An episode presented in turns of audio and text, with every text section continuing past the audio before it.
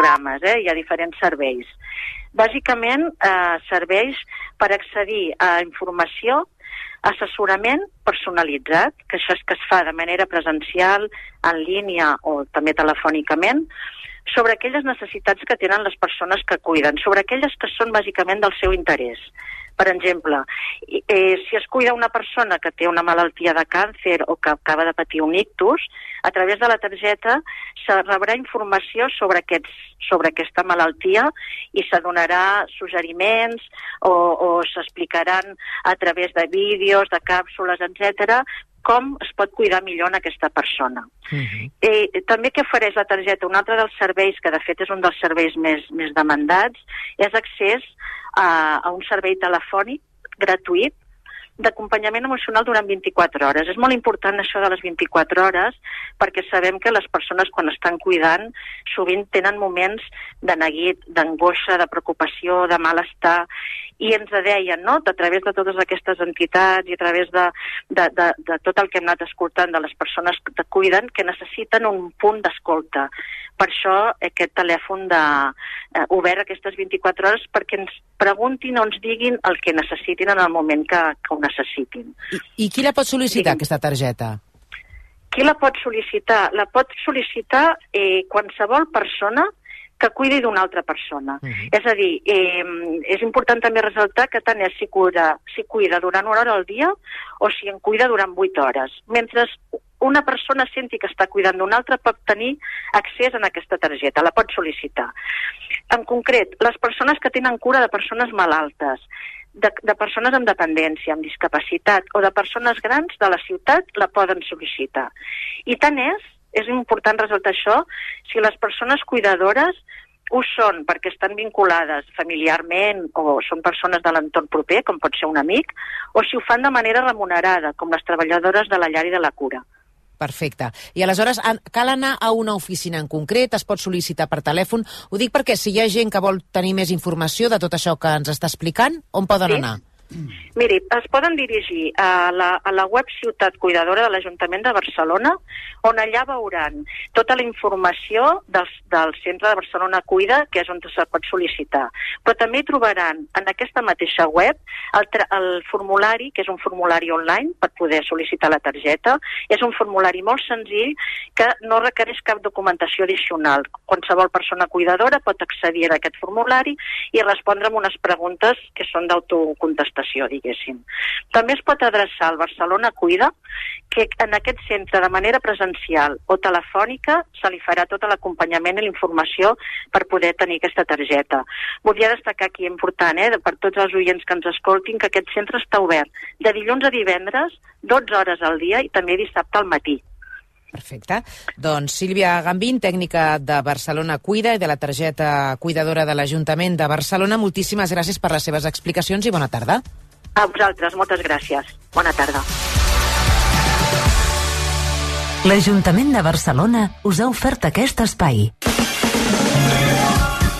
I ara Dani Arbós ens ofereix l'enigma Arbós d'avui, però amb la resolució, eh, aquesta formulació relacionada amb l'Astralopithecus afarensis. Vinga, primer deixem recomanar un bar de truites, va, que està a prop de la Vinga, ràdio. va. Al carrer Rosselló, eh, tu, Toni, que vas bastant, per desgràcia, o per sort, al clínic. Sí. Eh, Rosselló, entre Urgell i Villarroel. Mm. Eh, els Galls és un restaurant on fa, un, senyor Marcelí, amb sí. bones truites, eh, de tota mena us ho recomano vivament. Els galls. Fan de, de carxofa? Sí, i d'esvergini amb formatge i de pebrot. oh, Les he provat oh, totes. magnífiques. Per tant, Eh, no només de truita amb patates, sinó de tot tipus de truites. És original, tot no? tipus de truita de galls. Jo sempre menjo de gallines. bueno, també està bé. Tot és, és, és provar coses noves. Sí, sí, sort d'ell, sort d'ell. Si aneu a les 8 del matí us trobareu la gent que surt de guàrdia eh, de l'hospital, que molta gent va ja els conec, ja els vaig coneixent a agafar tots. forces.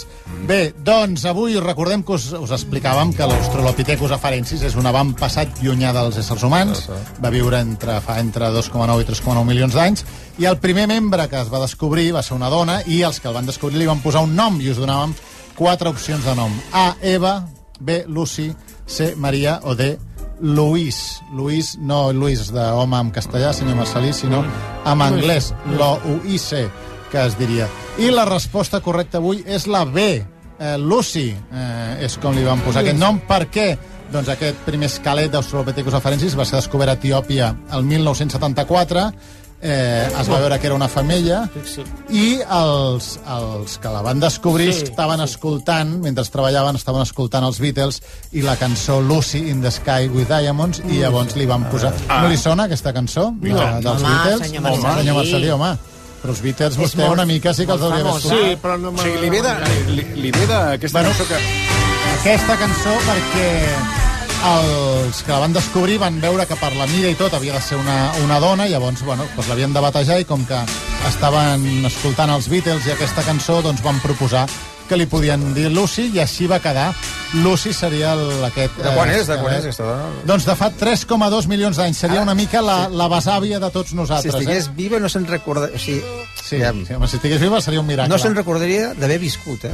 Ara, si tu, A veure. si tu li poguessis preguntar, Sí, ni se'n recordaria de les- d'haver viscut. És que és fort, No, perquè, perquè podries recordar del que ha fet aquest matí, que ho ha viscut també. No, que és allò A que veure, passa ojo. la gent gran, Sí. que te'n recordes Ah, d'aquell sí. temps d'ella, d'aquell Sí. temps d'ella, i en canvi no se'n recorda el que, sí, sí, que va sí. sopar-hi. Sí, sí, sí. Recordem que la persona més viva, eh, més, més que viva. porta més anys viva, és una catalana que et porta 116 anys. Aquí estem parlant de fa 3 3,2 milions d'anys, eh? Per tant... És una petita diferència, Una sí. petita diferència. Atenció, que avui han participat 802 oients. Carai. 802 Carai, oients en aquest concurs. Jo crec que és un dels dies... Sí, sí, a mesura que anem Sí. sí. avançant la temporada i ja ens acostem a acabar-la, cada dia hi ha més És gent. una barbaritat. I d'aquests 741 l'han encertat. Per tant, la gran majoria ho han fet molt Avui bé. li demanarem el número, amb el teu permís, Marta, a Vicenç Martí, Oh, tant, que és el un número. protagonista de la tarda, amb el seu carnet. Que, que... 741, eh? La, la De sort... l'1 al 741. Doncs pues mira, en homenatge Cata- 12.340. Que no, geripolla! 714, de 1714. Al 714, Sí. El que corre. Busca mal, nena. Demà, eh, recordem que dèiem que aquesta, aquest eh, esquelet es va trobar a Etiòpia, doncs Sí. demà seguim a Etiòpia, eh, amb una tribu d'etíops. Ah, sí? Demà... I, i, i, i I què? què? Doncs demà explicarem una curiositat. L'enigma versarà sobre una curiositat d'aquesta d'una tribu. Li sembla bé? No sé. Dels Body. Es diuen Body. Perfecte. Ha B-O-D-I. canviat la moda ja, Ja. de, del Sí. tanga. que- Va, Ja tenim el guanyador, és Javier Verduzco. En castellà? Javier Verduzco diu, bona tarda, és l'opció B, una abraçada, Javi, de Sabadell. Javi, enhorabona, Ui. moltíssimes La tassa per tu, la xocolata Jolong també. Gràcies, Dani Arbós. Demà més. Bona tarda. Dos minuts, perdó, tres minuts de pausa i explicarem el que malauradament ha passat aquest matí eh, amb una mina. Entrem en matèria, repeteixo, amb tres minuts i mig. RAC1. Ha arribat la primavera i tens ganes de canvis? Aprofita ara les ofertes de primavera de Smith per renovar la teva cuina o qualsevol racó de casa teva amb les nostres solucions de mobiliari a mida. Home Schmidt Home. Demana ja la teva cita a qualsevol de les 7 botigues Schmidt de Barcelona o al nostre web homedesign.schmidt. Escolta, el sents? Sí, és el so del mar. I al vell mig de l'Eixample. Ara el restaurant El Cangrejo Loco et porta al mar a l'Eixample. Reserva a elcangrejoloco.com. Un restaurant únic a l'Eixample. Florentino ha arribat a la ciutat comtal, una firma de qualitat per l'home més elegant i cosmopolita. Descobreix la teva nova botiga Florentino al carrer València número 264 de Barcelona o visita www.florentino.com. Florentino, comoditat i estil pels que busquen una cosa diferent.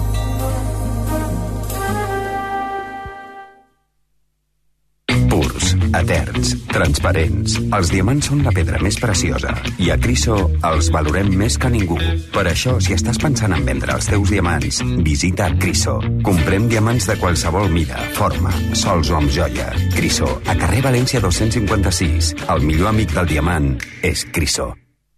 Ai, el mític Ford Mistral. Qui no el coneix? Per tots els productes que fan, són els més coneguts de la ciutat. Les ensaïmades, els minicroissants, el pa, les coques... Mmm, un obrador amb molta història, amor i qualitat. Forn Mistral, a la Ronda de Sant Antoni 96 de Barcelona. Ara, amb els nostres bunyols de Quaresma, te'n lleparàs els dits. Cotxe. Cop. Tot arreglat. És molt senzill assegurar-se amb el Betia. Simple, clar, el Betia. Abel Folk, Llum Barrera, Roger Coma i Laura Porta protagonitzen Una teràpia integral de Cristina Clemente i Marc Angelet al Teatre Goya. Una comèdia plena de sàtira que traça un afilat retrat de la societat actual i els seus gurus de l'autoajuda. Aquest cop no t'ho pots perdre. Una teràpia integral. A partir del 15 de març al Teatre Goya. Compra les teves entrades a teatregoya.cat i a promentrada.com. Al juliol, gaudeix d'un autèntic activity camp anglès a la Casa de Colònies de Mas Llop de Caldes de Malavella. Immersió total en llengua anglesa i classes amb professorat nadiu del Col·legi Sant George School. En un entorn immillorable, en plena natura i múltiples activitats esportives. Jornada de portes obertes, dissabte 11 de març. Per a més informació, masllop.es. RAC més 1, podcast.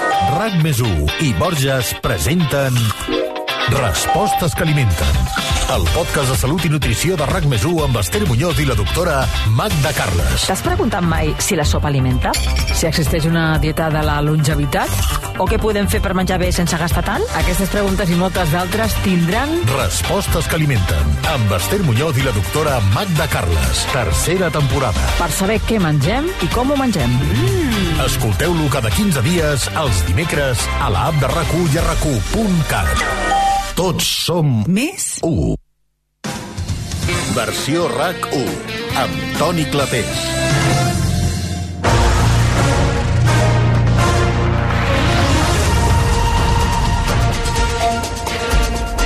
Quatre de la tarda, 11 minuts. Eh, Míriam Díaz, bona tarda. Bona tarda.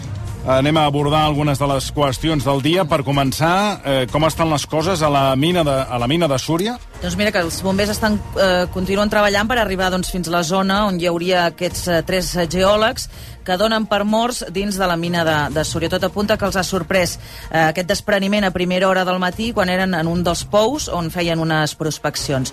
Un rescat que es fa a 900 metres de profunditat, per tant, que es preveu llarg i molt complicat. Eh, a la mina de Cabanasses, com se la coneix, hi treballen 740 persones. En el moment dels fets n'hi havia unes 200 que han estat evacuades per garantir doncs, la seva seguretat. Està seguint-ho tot plegat des de Súria. Mar Poyato. Mar, bona tarda. Bona tarda. Com estan, eh, o què en sabem de les tasques de el tra els treballs per arribar a la zona on, eh, on ha succeït l'accident? Doncs mira, Toni, ara mateix a RAC1 podem avançar que els serveis d'emergències acaben eh, de localitzar dos dels cossos. Això no vol dir que els hagin tret encara, sinó que sí que els tenen localitzats i a partir d'ara el que poden fer és evacuar-los. Uh, hi ha un tercer cos que ens diuen que és, serà complicadíssim arribar-hi. Uh, penseu que, com deia la Míriam, aquest túnel, aquesta galeria, està a 900 metres. El despreniment es veu que ha sigut molt gran, ha caigut una quantitat enorme de roca i aquest tercer cos estaria, és el que li hauria caigut més material a sobre. Per tant, també no saben en quines condicions es trobaran el cos d'aquesta tercera víctima. Ens comentaven que fins i tot eh, podrien trigar eh, algun dia a poder arribar-hi. Encara no se sap, però, perquè també eh, eh, treballen amb moltíssima cautela els serveis de rescat d'aquí de la mina de Súria, ajudats pels bombers eh, que porten des de primera hora del matí. Hem vist durant tot el matí com anava arribant material dels bombers, equips de rescat, camions, doncs per facilitar la tasca, una tasca que s'està fent de manera manual perquè el que fan és picar pedra i treure, uh, picar pedra treure-la i assegurar el sostre perquè no hi hagi nous despreniments. No s'han atrevit a entrar a fer entrar cap eh, tipus de màquina per la, la inestabilitat del terreny. No? Llavors, eh, la tasca està sent eh, lenta. Aquest migdia eh, han anat fins allà, han estat eh, compareixent davant els mitjans el conseller d'Interior, Joan Ignasi Helena, i el d'Empresa, Roger Torrent. Bé, què és el que han explicat? Quina és la versió, podríem dir, oficial dels fets? A veure, amb tota la, la versió oficial hem tingut una mica eh, d'embolic, per dir-ho d'alguna manera, perquè d'entrada el govern, eh, des de primera hora del matí, ens confirmava que, aquestes, eh, que aquests tres treballadors eh, havien mort. Um, un cop aquí, eh, no han volgut confirmar-ho des del govern. Per què? Perquè com que encara no han tingut accés als cossos, llavors no tenen la certificació, el forense encara no ha pogut certificar la mort. Però què ha passat? Que a mig matí eh, la UPC, la Universitat de Manresa, confirmava que dues d'aquestes víctimes són dos estudiants del màster de la universitat. Un d'ells eh, hem pogut saber que estava fent una beca i de fet feia poquíssims dies, una setmana pràcticament, que havia començat aquestes pràctiques. Um, per tant, ens han uh, dit molt poca cosa des de govern, tot i que sabem que hi ha aquestes tres persones uh, uh, aquí atrapades i que, uh, lamentablement, doncs, uh, es donen per mortes, des del govern encara no ho volen, uh, no ho volen confirmar. Escoltem, si et sembla, el que ens deia el conseller Joan Ignasi Helena. En aquests moments doncs, encara són a dintre. Uh, hi ha dificultats d'accés perquè cal assegurar els entorns per poder accedir on són els treballadors. No serà ràpid, no serà de minuts. El conseller Helena, Toni, que ha vingut acompanyat, com bé deies, amb el conseller d'Empresa i Treball, Roger Torrent, que ens ha comentat que a la mina s'havien fet totes les inspeccions de treball normatives. De fet, l'última va ser ara fa tres setmanes i no s'havia detectat cap anomalia ni tampoc s'havia obert cap expedient. Ens ho explicava. El control era periòdic. Eh, L'última revisió, l'últim control per part d'aquesta subdirecció general de mines va ser fa tres setmanes, eh, aquest mateix mes eh, de febrer, i es va tancar sense l'obertura de cap expedient, per tant, sense cap situació eh, que eh, demandés aquesta, aquest inici d'expedient. El que sí que ens han comentat alguns treballadors, un d'ells que ha sortit a parlar amb nosaltres, que mm. és precisament dels serveis de rescat, és que es tracta d'una galeria molt nova, que s'ha obert fa poc. Per tant, també hi havia um, com un cert desconeixement, no? perquè diguéssim, no la tenien tan apamada com altres galeries doncs, que, on ja hi porten temps treballant-hi. Uh, a tot això, Marc, com, com s'ha viscut uh, per part dels veïns uh, aquesta desgràcia? Bé, um, aquí a la comarca del Bages sí. és una comarca amb moltíssima tradició minera. Uh -huh. uh, de fet, hi havia, hi havia hagut fins a quatre mines. Teníem la de Súria, Cardona, Sallent i Balsareny. Actualment l'única que funciona a ple rendiment és aquesta, de Súria. Moltíssima gent del municipi i del, dels municipis del voltant treballen en aquesta mina. Per tant, us podeu imaginar l'impacte que suposa no? un accident d'aquestes característiques. A més, tenint en compte um, doncs, uh, que molta gent uh, hi té coneguts. De fet, aquest matí a primera hora uh, hem vist com arribaven familiars uh, desesperats uh, per demanar com estava no? el, seu, el seu conegut, el seu familiar i si era una de les persones afectades. Això ens ho ha comentat l'alcalde de Súria, que també, que també hi és aquí. Estem consternats, tots a, com, a, com a equip de govern entenc que com a societat. Súria és un poble, és un poble miner que, que viu de la mineria i bona part de la seva població o treballa o ha treballat o té algun familiar que treballa o ha treballat a la mina i per tant qualsevol esdeveniment tràgic o qualsevol accident que ocorreix en les instal·lacions doncs, mineres doncs, és, un, és un sotrac pel municipi i per tots nosaltres. Aquest, eh, Marc, no és, com tu deies, el primer accident que passa en aquesta, en, en, en, ni a la comarca ni en aquesta mina. Eh, podríem dir que és un fet eh, no sé si, si inevitable o, o podríem parlar que aquí sempre hem de parlar de, de que hi ha un punt de negligència en segons quins, a segons quins nivells? A veure, um, n'hi va haver un altre d'accident aquí, en aquesta mateixa sí. mina de Súria, el 2013, i van morir dues persones. En aquest cas, uh, els hi va caure una roca de grans dimensions a sobre. Uh, I també l'últim que hi va haver aquí a la comarca va ser, en aquest cas, a la mina de Vilafruns, uh, que hi va haver també dos morts amb dos, dos accidents diferents, però molt seguits. Um, el que passa aquí, uh, l'empresa no ens ho ha volgut. Uh, han sortit a parlar amb nosaltres, però Mm. sí que són molt prudents, no han fet de que encara declaracions públiques, volen esperar doncs, que, que tot estigui resolt. Um, aquesta mina té unes condicions de seguretat altíssimes, molt, molt elevades. Però sí que és veritat que aquesta, aquesta professió, aquest tipus d'indústria, comporta uns riscos. Es treballa uh, amb una profunditat extrema. Uh, penseu que la galeria aquesta, on ha passat avui l'accident, si posem el túnel del Cadí de, de, en vertical, Sí. ets, eh, doncs pot, eh, seria ben bé això, vull dir, la distància. Llavors, um, està sota, a sota profunditat, però clar, has de pensar que allà hi ha tota una sèrie de, de camins per dins, no?, de la muntanya. Um, llavors, uh, sí que és veritat que comporta uns riscos. Uh, hi ha sempre moviment de terres. Um, I per això el, els, els geòlegs, abans que els miners baixin no? a la mina, uh, els geòlegs fan les prospeccions i les inspeccions. I en alguns casos uh, és molt difícil de detectar si hi haurà o no un despreniment. Ja. Uh, per tant, parlar de negligència amb la informació que tenim ara eh, no seria correcte. Ens hauríem d'esperar en tot cas, perquè s'ha obert una investigació, evidentment, llavors eh, hauríem d'esperar a veure no? que la, aquesta investigació ens, ens, ens expliquin, ens diguin què, què és ben bé el que ha passat. Mar Poyato, qualsevol última hora ens la fa saber. Moltíssimes, eh, moltíssimes gràcies. A vosaltres. Gràcies, com sempre, bona feina. La feina de Mar Poyato. A tot això tenim reacció ja de, dels sindicats. Sí, els sindicats eh, tenim eh, dues versions eh, completament oposades. Eh, tindríem a Àngel Garrido, secretari d'Acció Sindical de la Unió Sindical Obrera de Catalunya, la USCO, que ha assegurat que si no hi haguessin les mesures de seguretat adequades, el comitè d'empresa de la mina de Súria no hauria deixat eh, baixar eh, aquesta gent. La galería tenía las certificaciones de seguridad actualizadas, porque si no, los de compañeros del comité no hubieran dejado que se trabajara.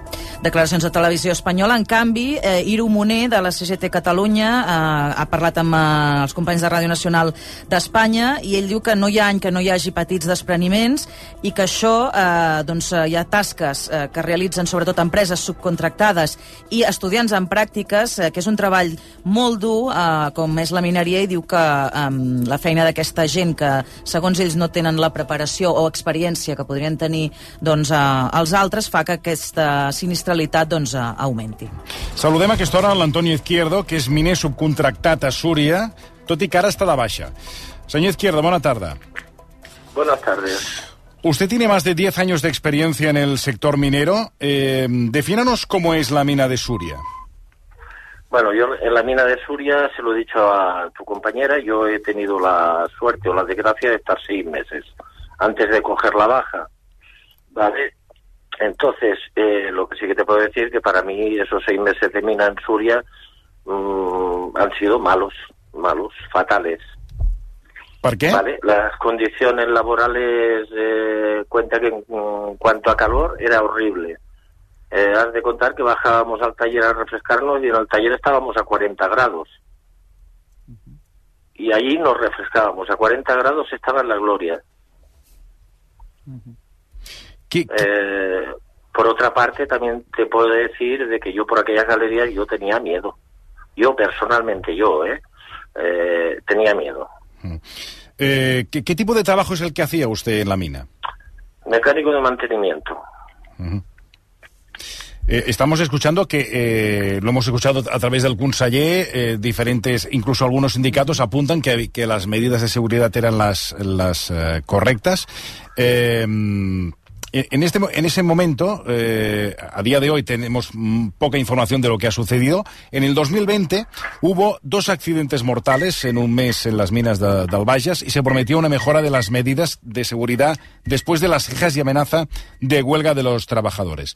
Le pregunto, en este momento el comité de empresa de la mina de Sallent ya cerrada denunció que, el, que la persona que, que estaba subcontratada era poco experimentado. ¿Sucede eh, lo que también en este caso eh, señalaba el eh, sindicato CGT? Es decir, que hay personas subcontratadas que quizá no tienen la experiencia para estar en este tipo de trabajo? Yo estoy totalmente de acuerdo con este señor. O sea, que lo que ha dicho, al menos hasta hace dos años cuando estaba yo, lo, lo, lo confirmo y me reafirmo. La gente subcontratada muchas veces eh, no tienen experiencia para estar allí dentro. Eh, bueno, es que te podría contar 40.000 casos, pero me voy a callar por precaución. Pero vamos, pienso que uno de los problemas que hay en, en la mina de Suria es que la gente, mucha de la gente que están trabajando eh, no tienen experiencia. A partir de aquí, mm, claro, mm, eh, ¿qué puede pasar? A ver, si tú mandas a un paleta a reparar un camión, ¿qué puede pasar? Que se haga daño. ¿Vale? Eh, entonces llega un momento que dices, hostias, mm, no sé, sí que eh, te hacen una serie de cursillos de formación, te hacen firmar un mar de papeles que no valen para nada, sí, sí que vale para, para decir que tú tienes la culpa de todo lo que te pasa allí dentro. Eh, y luego a partir de aquí, eh, medidas de seguridad todas, las ponen todas, Mm, Lo que pasa es que trabajar en la mina es para los mineros, ¿vale? Eh, medidas de seguridad te las están poniendo todas. Mm, Pero, ¿de qué te vale un casco si te cae una tonelada de piedras en la cabeza? Sí, no, no, això és... Eh, hemos, eh, hemos oído, señor eh, Izquierdo, que eh, este túnel donde ha pasado este desprendimiento era el, el más nuevo, recordemos que se inauguró en 2021, y que por eso es el más eh, desconocido, ¿no? Eh, ¿Puede ser esta una explicación por la cual, no? Mm, Bueno, bueno, mira, no te lo puedo decir porque yo realmente no sé dónde, por la información que hay, no sé dónde ha pasado esto, porque la mina me parece que tiene unos 15 o 20 kilómetros de larga, o sea, no, no estamos hablando de un túnel, de un túnel pequeño. Aparte hay galerías que suben, galerías que bajan, galerías de, está al norte, está al sur, hay comedores, hay talleres, hay, es, es una ciudad. La mina dentro es una ciudad. Eh, yo, sabiendo que son topógrafos eh, o geólogos, eh, me inclino a pensar que ha sido una galería nueva, que es donde ellos van a medir los avances. eh, y entonces, claro, decir que una galería nueva es imprevisible lo que puede hacer. Eh, cuenta que una galería que se está abriendo todavía no, no ha podido pasar el jumbo a poner cáncamos ni, ni asegurar nada. Entonces, mm, eh, no sé, ¿qué quieres que te diga? Interpreto, perdona, interpreto de sus palabras que es más peligroso una galería nueva que una vieja.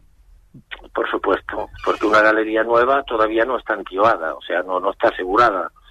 Entonces, una galería nueva no sabes nunca lo que puede pasar en una galería nueva. Eh, tú la ves muy bien, ves el techo muy bien, pero a lo mejor de dos o tres metros más para arriba está todo abierto y se te cae todo encima. Lo digo porque, claro, la, a partir de que hemos conocido la información de que era una galería, una, una galería abierta a partir del 2021, 21. pues daba la sensación que als- a los que no, los que somos ignorantes en la materia, pues que al ser una galería nueva, pues tiene, es más segura, tiene más seguridad que una galería vieja. Pero usted, mm, por lo que nos no, cuenta, Te lo, no, te lo voy a explicar. O sea, esto es una máquina, es un minador que va abriendo galería, ¿vale? Va haciendo agujero en la piedra. Entonces, detrás del minador, de tanto en tanto, meten un jumbo que va entibando, ¿vale? Pero el jumbo siempre va entibando detrás del minador. Delante del minador no hay nada.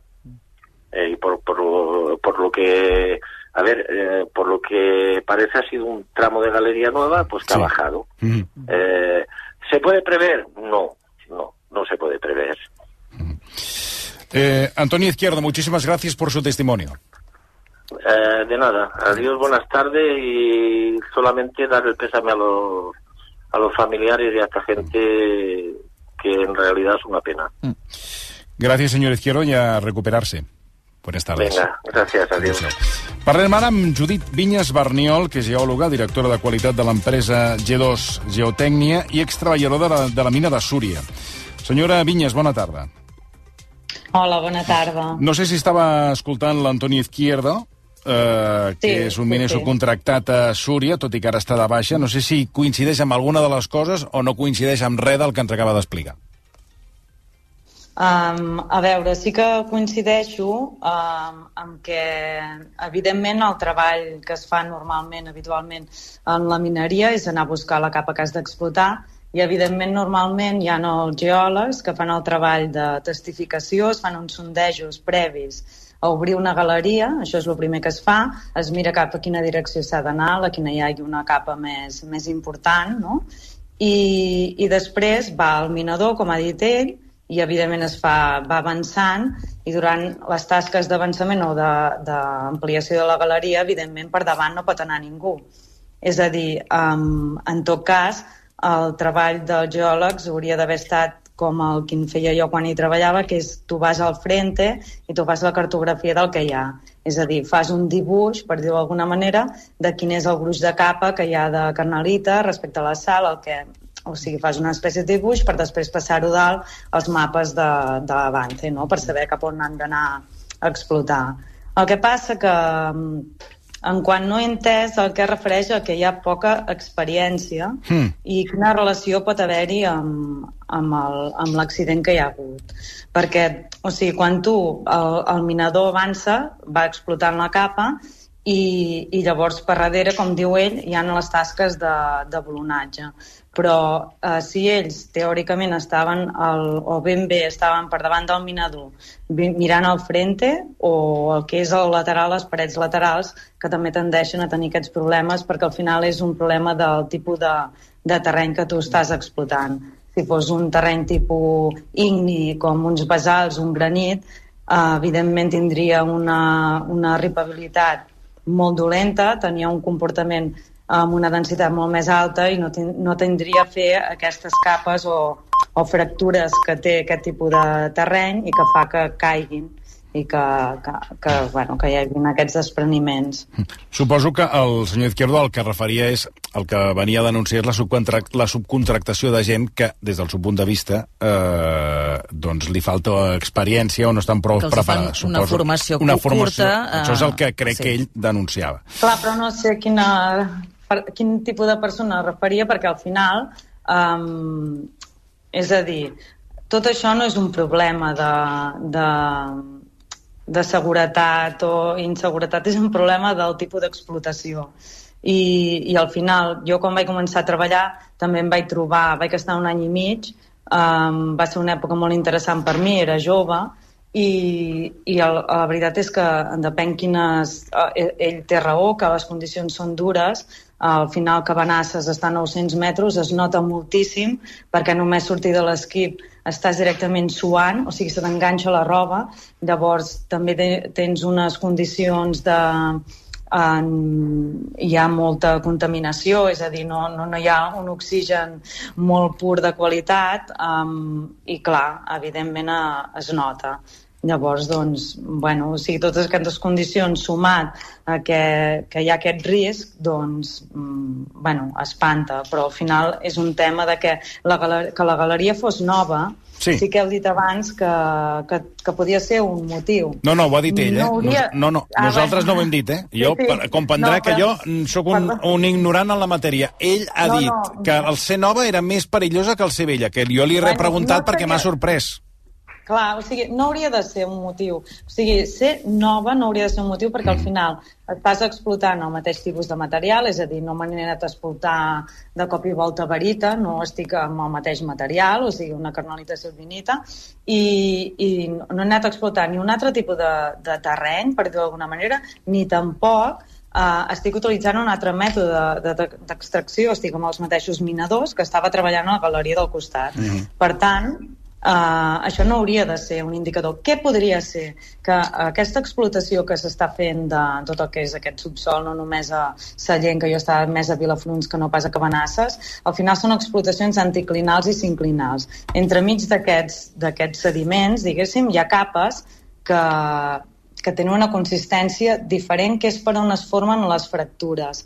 Llavors, què passa? Si tu no... Eh, és quasi bé impossible veure tot el que és eh, tu quan estàs a dins tens el casc i tens el frontal però si tu mires amunt, jo moltes vegades estava molt obsessionada al principi en mirar amunt perquè no et senties crec i et quedaves totalment immobilitzat perquè no, o sigui, no, no et mous, penses, ja està i no, no, no queia res en aquell moment però clar, volia dir que no, en algun lloc de la galeria hi havia hagut aquest trencament. Llavors, què passa? Que eh, tu miraves amunt però no veies res, perquè no es veu. Si es veu, evidentment passa en el jumbo i va volonant, és a dir, va entibant tot el que troba, totes aquestes làmines o lloses que poden caure, però, clar, quines són perilloses les del costat de la galeria? Perquè hem de pensar que estem a 900 metres de profunditat, hi ha una pressió eh, litostàtica del terreny brutal. És a dir, no estem en unes condicions òptimes perquè sigui estable tot això. Mm. Eh, deixem preguntar-li quina és la feina d'un geòleg, com per exemple eh, els, els que malauradament han mort avui en, en una mina. Bàsicament eh, són dues. Una és prèvia a, la, a dirigir l'explotació, és a dir, es fan uns sondejos per dir-ho d'alguna manera, per veure on hi ha més material, no? on, on tinc més capa per explotar, i cap allà te'n vas directament amb, la, amb els minadors. Això és una funció, i la segona és de seguiment i supervisió, perquè eh, fa anys enrere potser no es feia tan acuradament, i llavors els minadors, eh, els miners directament, una mica per la seva experiència, decidien cap on anaven sense cegues. Però, clar, des de que hi ha sondejos horitzontals, tu pots, evidentment, doncs, detectar on hi ha més gruix de capa per anar a explotar. Mm. Uh, I, I en par... la... digui, digui, perdoni. No, no, i la segona és això, el seguiment i veure que cap tu, o sigui, baixar, per exemple, tu has de baixar cada dia, normalment es baixa amb els, amb els tècnics, a, o sigui, a, de, la, de la mina i també els topògrafs, i llavors tu vas a cada frente, que n'hi ha més d'un, és a dir, vas amb els diferents minadors i veus aquesta cartografia com ha avançat i després tu passes a dalt amb el plano que hi ha i llavors amb un plano de, de colors, no? Doncs tu mires on hi ha més, cap on ha de dirigir l'explotació. Uh, li d'explicar uh, que l'agència F ha parlat amb fons sindicals de, de Súria i asseguren que l'accident uh, ho ha produït un despreniment de llis, que seria o sigui, una cara plana sí. i extensa de, de roca. Sí, sí. Per evitar uh -huh. que passi, uh, diuen que s'utilitza la tècnica del bolonatge. No sé si sí, ho he expressat bé. Ens podria explicar sí, sí. Um, a què consisteix?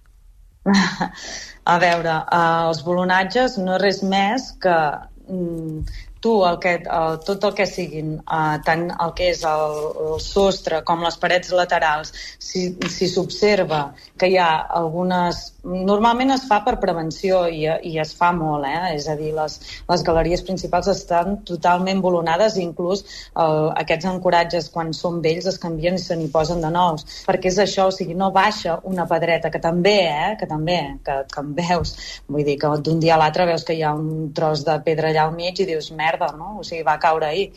Um, doncs això són com un com si fos un, un ferro per dir-ho d'alguna manera, que el que fa un clau, bueno, és que seria una mica difícil tècnicament d'explicar, sí, és eh? com el que es posa a les muntanyes. Lligar, el que fa és clava aquesta paret o aquest llis perquè no, eh, no caigui, però clava la roca mare, és a dir, vas a calaval a dins que tenen, doncs clar, o sigui, una longitud ja específica, perquè si tu preveus um, que no n'hi haurà prou que faci un i mig, doncs el faràs dos i mig, tres, o el que faci falta per anar-ho a lligar on, on, on sembli i d'aquesta manera tu um, assegures molt més, o sigui, no està ple en qualsevol tipus de túnel i estabilitza, per estabilitzar talusos, etc. Mm. O sigui, es fa continu. Senyora Vinyes, eh, eh, la Generalitat ha explicat que aquest, aquest túnel on ha passat eh, aquest accident va, va, va ser examinat i va passar fa tres setmanes els controls de seguretat. Això vol dir que, que sempre hi ha aquest marge de, de possibilitat, sí, si es va donar el vistiplau a aquest túnel, de, de que pugui passar el que ha passat, no? Que és, vull dir, no, no, ja que, és, que és molt sí, difícil sí. De, de, de controlar el risc zero. Estic totalment convençuda, però totalment, que quan van passar Uh, la inspecció estava... Uh, o sigui, no, no, hi havia, no es podia detectar un risc i no el van poder detectar.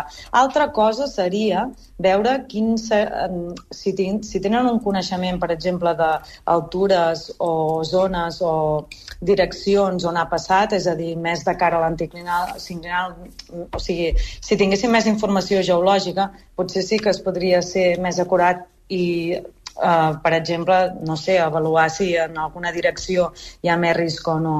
Però, evidentment, que segur que quan van passar no, no es podia detectar i estava perfecte, seguríssim, perquè al final el risc geològic, nosaltres estem cansats per la feina de, de, de precisament de dir-ho, perquè en temes de riscos geològics com, com pot ser aquest, però també despreniments de talusos, de blocs, etc, sempre passa això, que tothom acostuma a dir és que no passa fins que no hi ha, però és que aquí és on, on recau el, el com hauria d'avaluar-se. Suposo que no hi ha suficient informació per poder establir um, o sigui, de, de dir és que si fas això segur que passarà, no és que és indetectable i a més que per poder ser segur al 100% Uh, jo penso que no hi ha cap feina que ho sigui, per desgràcia. Eh? Mm. Li faig una última pregunta. Tant l'Antoni Izquierdo com vostè parlaven d'un jumbo. M'agradaria expliqués què és això del sí. jumbo, que ens sona avió. Bueno, no, el jumbo no és res més que com... O sigui, o sigui, com un tipus de màquina barra camió que porta ja, bueno, no, una màquina més petita, no arriba ni a camió, que ja porta aquest tipus de, de sub- subjecció i llavors per fora posa l'anclatge aquest, l'ancoratge al volon, digue-li com vulguis, i llavors eh, l'injecta dalt i llavors el deixa anar. O sigui, és una màquina que... Que assegura, dir- diríem, el... el, Sí, que assegura... És assegur- que, és que són, són indispensables tant o més que, el, que els minadors. És a dir, és que estan contínuament fent tasques de volonatge. El que passa que ell sí que ha dit una cosa totalment d'acord i que, a més a més, que és que no es pot negar perquè la gent que hem treballat a la mina um, i, i pensem que els tècnics sempre hi passem molt, molt menys temps que tots el, els miners, Uh, és una feina molt dura, uh, és el que ha dit ell, és una, són temperatures molt altes, la qualitat de l'aire, la sensació de, que al final estàs en, en un forat sota terra i es nota aquesta pressió de, de terra que tens a sobre, és a dir, no, no, uh, no és agradable i llavors a sobre que tens, mira, cada dia que surts dius, bueno, mira, un altre dia que, que no m'ha caigut la, la pedra a sobre. Som conscients que hi ha aquest risc, almenys jo ho era, o sigui, Doncs, eh, miri, dir-li que ce ce celebro saludar-la i parlar amb vostè. Eh, moltíssimes, Molt moltíssimes gràcies per acompanyar-nos. Gràcies a vosaltres. Gràcies per les seves explicacions. La Judit Vinyes Berniol és geòloga, directora de qualitat de l'empresa G2 Geotècnia i extreballadora de la mina de Súria. Uh, Míriam, ens retrobem d'aquí uns eh, 40-45 minuts perquè, Sí. a banda de repassar altres notícies del dia, eh, vostè Sí, ens, sí. ha de donar, ens ha de donar les explicacions sobre Home. el que ja està caient... Eh, No, no, està caient, diríem, està caient, t'està caient a tu la papada. Està, li està caient... Sí, la meva, T'està la, la la meva papada. papada pot caure, però la seva vergonya ja està als peus. Vergonya? La Vergonya serà la vergonya vostra. d'haver mentit sobre... Quatre testimonis, com les quatre Sí, sí. barres de Puig i Val. Cadafalc porto. Ara, ara... Ah, veuràs, ja, que no sé. RAC Sí, ara, ara me l'has d'explicar. Me comunican cubrir el colapso de los transportes, ¿vale? Si cubrimos la crisis de abastecimiento. Oiga, ¿cómo que no hay aeropuerto? Que no hay aeropuerto, caballero. T'imagines un dia sense aeroports? Descobreixo a undiasenseaeroports.com. AENA. Aeroports per a tu. Ministerio de Transportes, Movilidad y Agenda Urbana. Gobierno d'Espanya. L'energia és un bé molt preuat. Per això a Termor fabriquem sistemes de calefacció i d'aigua calenta per aerotèrmia que consumeixen fins a un 70% menys. Termor, creiem en el confort tèrmic. Estem treballant per a tu. Transformem Rodalies. Invertim més de 1.000 milions d'euros en 101 nous trens molt més moderns i accessibles. Continuem fent passes per construir una Catalunya més connectada i cohesionada. Rodalies de Catalunya operat per Renfe. Ministeri de Transports, Mobilitat i Agenda Urbana. Govern d'Espanya. Descobreix la càrrega immediata a Instituts Odontològics i recupera el somriure en només 48 hores gràcies a l'última tecnologia a les nostres clíniques dentals. Ara, aprofita el 20% de descompte en implantologia. Demana cita a ioa.es o al 900 131 002. Instituts Odontològics, perquè quan estàs bé, somrius. Vols registrar la jornada laboral? Tainet és la solució a l'empresa i en el teletreball. Tainet, l'aplicació més fàcil i econòmica. Visita controlhorari.cat. Aconsegueix amb La Vanguardia una cafetera expresso de Longhi valorada en 149 euros amb 90 de regal. Subscriu-t'hi 3 mesos per només 99 euros i emporta't la cafetera estilosa de DeLonghi per fer un cafè express ideal amb una crema perfecta. Truca ara al 933 481 482, rep el diari cada dia i gaudeix de l'autèntic sabor del cafè amb La Vanguardia i DeLonghi. Un dia més i encara no saps com reclamar la factura de la llum? Festa de Legalitas i un expert t'ajudarà a resoldre-ho. 900 100 608. Legalitas i endavant amb la teva vida. Ha arribat el dia! S'han acabat les esperes! Senyores i senyors, benvinguts a l'època de la immediatesa! Ei, que som al 2023! Emporta't ara el Suzuki S-Cross amb etiqueta Eco, tracció 4x4, càmera 360, últims sistemes de seguretat avançada i entrega immediata! Sí, sí, immediata! Nou Suzuki S-Cross! Que la teva assegurança de la llar et regali un altaveu intel·ligent està bé, però potser és millor que et doni assistència informàtica a distància, no? Berti, estalvia temps, estalvia diners. Versió RAC1 amb Toni Clapés.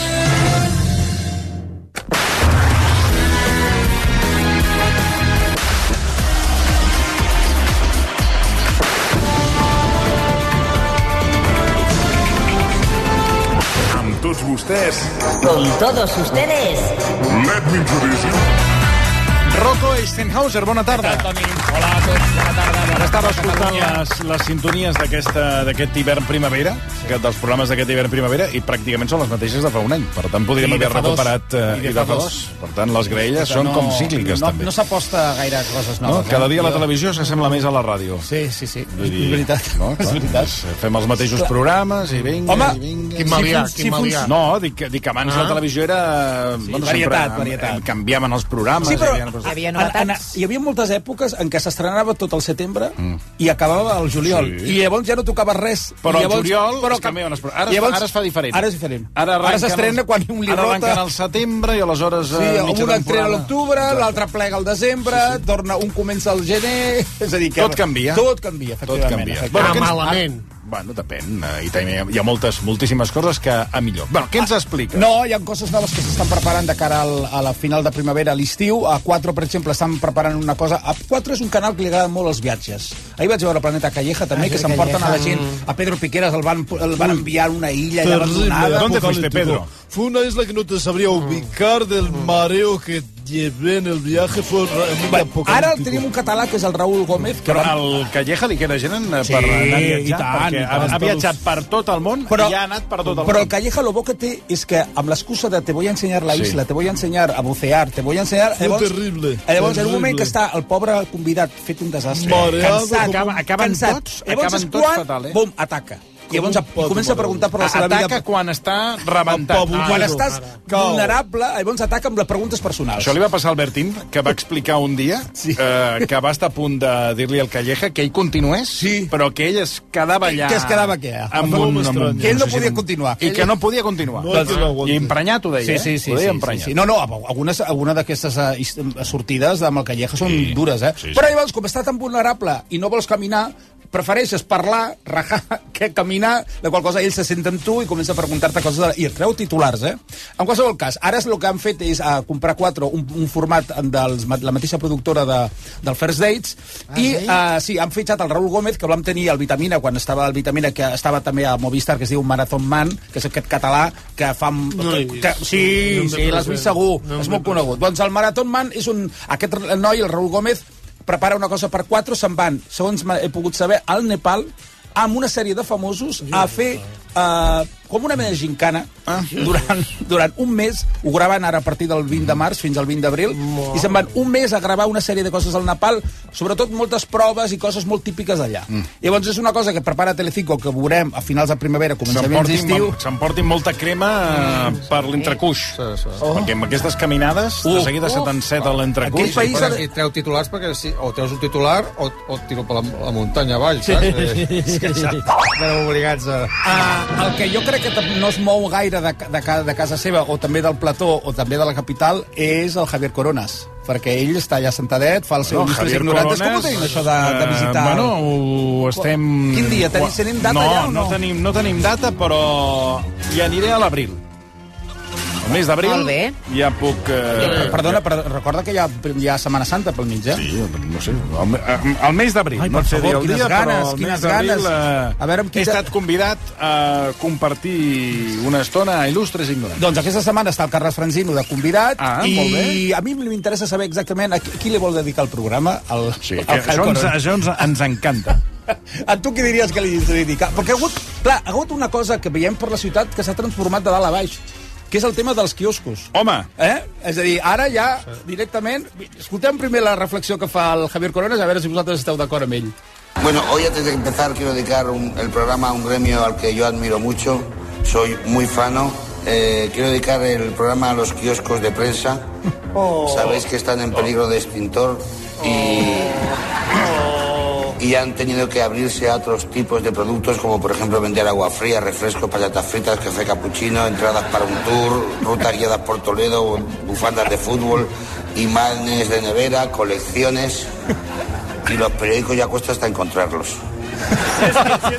Pero están ahí, ¿eh? Están ahí, no, no, yo soy asiduo, Sí, sí, pero asiduo. O sea, Yo yo voy allí, pillo el periódico todos los días, me lo geo y digo, va, no me interesa. Y se. Voy a bichearlo, le digo a Fernando. Bueno, pues para, para vosotros, sed fuertes. el, el Javier Coronas va al quiosc, mira els diaris i després diu no m'interessa, no però ha pujat com a mínim la meitat del diari, el que li jo.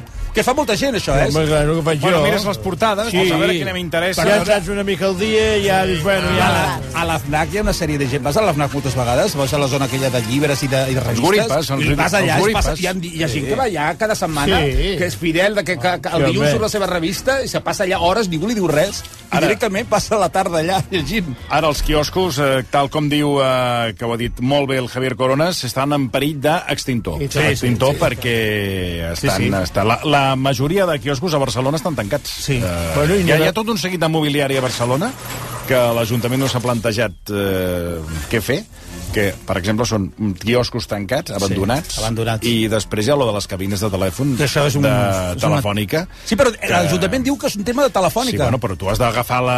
A veure, si tu ets l'Ajuntament de Barcelona, eh, que tens, diguéssim, algun pes, Sí. o no manes, eh, no manes res, l'Ajuntament, agafes que telefònica i els dius, escolti, sí.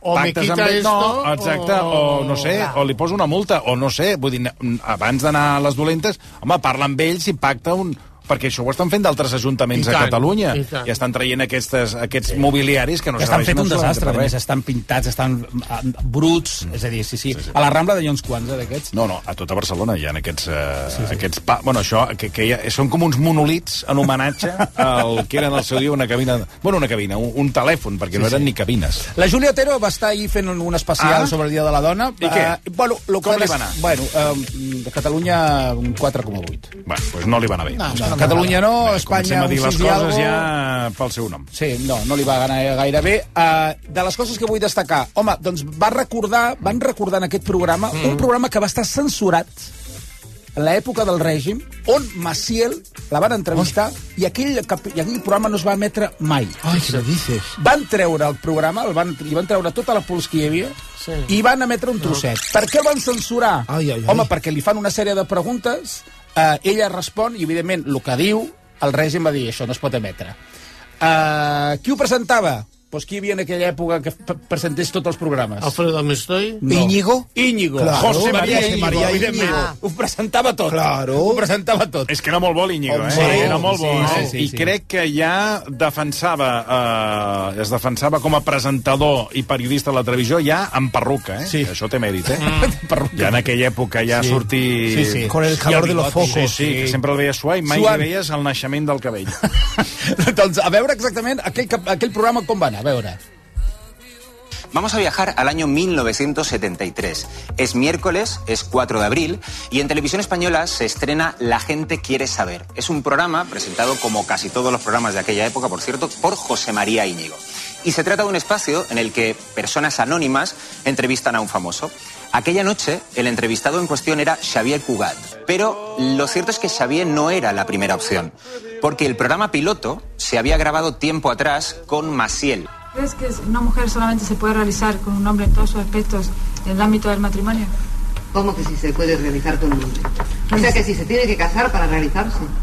Exacto, más o Hija menos. mía, qué tristeza, anda, que si fuera así, ¿qué iba a ser de mí? Lejos de casa. Actualmente sabemos que se está tramitando tu separación, el matrimonio. Mi anulación, perdón. Bueno, tu anulación. Esto, ¿podrías contarnos si tú crees que es conveniente en España esto, admitir el divorcio, como ha sucedido en varias naciones? Como conveniente, es necesario y urgente. A ver, ¿a quién hay que pedírselo? El divorcio. ¿Qué opina usted del control de la natalidad? Me parece acertadísimo, me parece acertadísimo. Estoy totalmente a favor de la píldora y del control de la natalidad. la censura prohibió la emisión de esa entrevista. Fixa't. Ole Maciel, ¿eh? Molt bé. Maciel, jovenísima. Claro, La hombre, pionera, pionera en muchas cosas que ayer, por ejemplo, en el Día de la Mujer, aún se siguen pidiendo. ¿En qué estás trabajando, Parada? Yo estoy trabajando, pues mira, Aquí, aquí dando... pues mira, dando ahora tengo un problema porque tengo Estava, la... estava, gràcies, Parada. Estava no, de repassant eh, la, preguntes. les audiències de... És que no m'interessa. La, borde. les audiències de dies de tele, com Borde. deies tu, 4,8, i els espectadors, aviat haurem de 20.000. començar a mirar...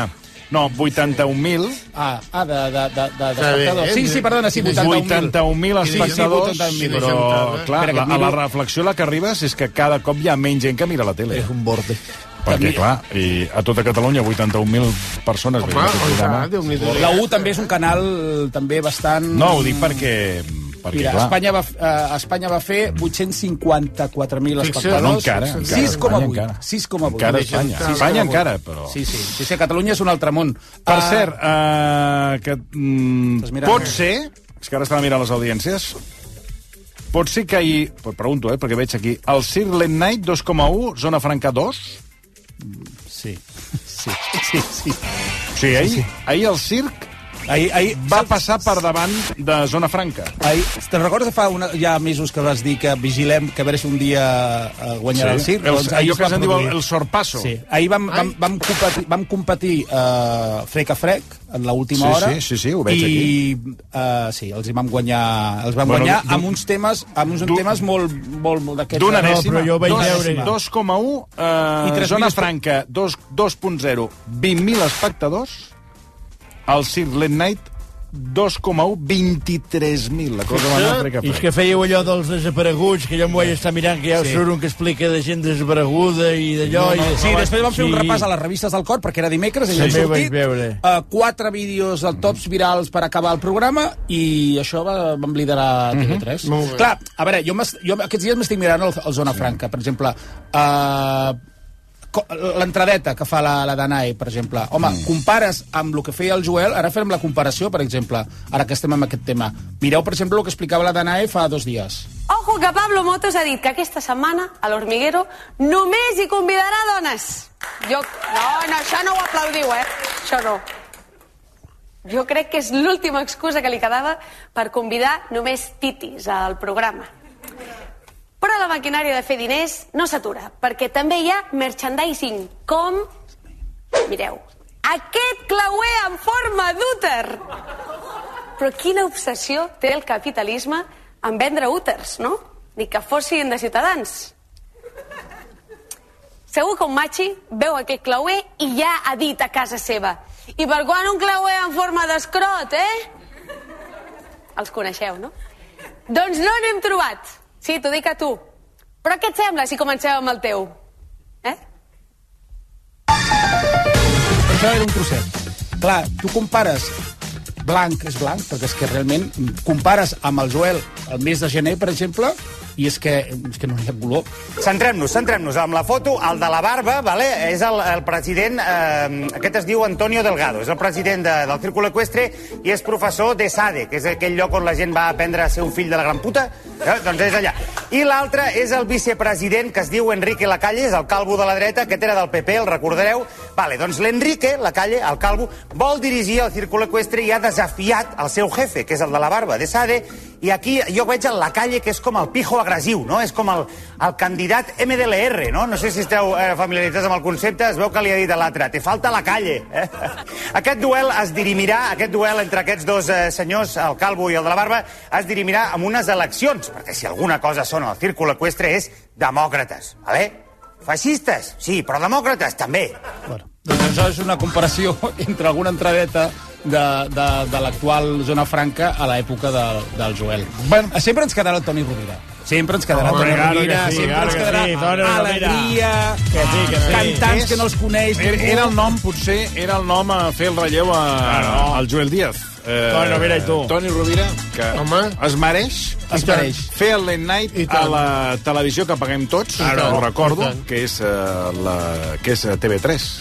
Doncs, Per tant, jo per- crec que... per- Jo per crec... què? Per què? Home, I alegria, alegria. Alegria, alegria! Clar. Sempre hi ha alguns petits problemes, però, se res. resolen ràpid. Bueno, però si anés a TV3, no els Sí, tindria. no. El hipster rumbero, endavant. Tú le vas a poner rumba. Es que en tu plató no puedes Nico, jo em sol sent, aquest home. Pues mira, un, dos, tres, venga. Ay, ay. rumba. ¿Cuánto hace que has hecho esta canción? Pues fue el año pasado. Un momento, Antonio. Un momento, Antonio. No hay chocolate, pero hay Vino con azúcar, pan, vino y azúcar. pan, vino y azúcar. Sube pan y chocolate. Y tú querías pan y chocolate.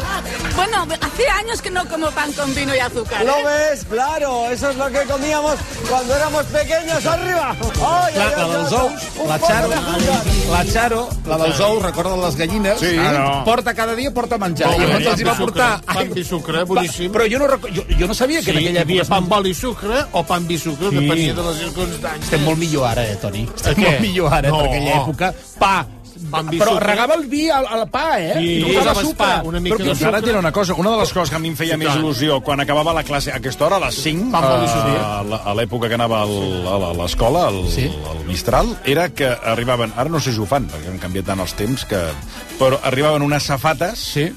De llesques de pa amb una presa de xocolata. Ole! Amb una, Ole, amb sí, una, sí, sí, una una mitja presa. Sí, sí, una I, presa. sí, sí, I era com el Berenar. premi a la jornada, era com un berenar, que era una llesca amb una miqueta de xocolata, ara no sé què fan. Però, Sí, sí. I, I de tant en tant, de tant en tant, era el mateix, però amb un quesito.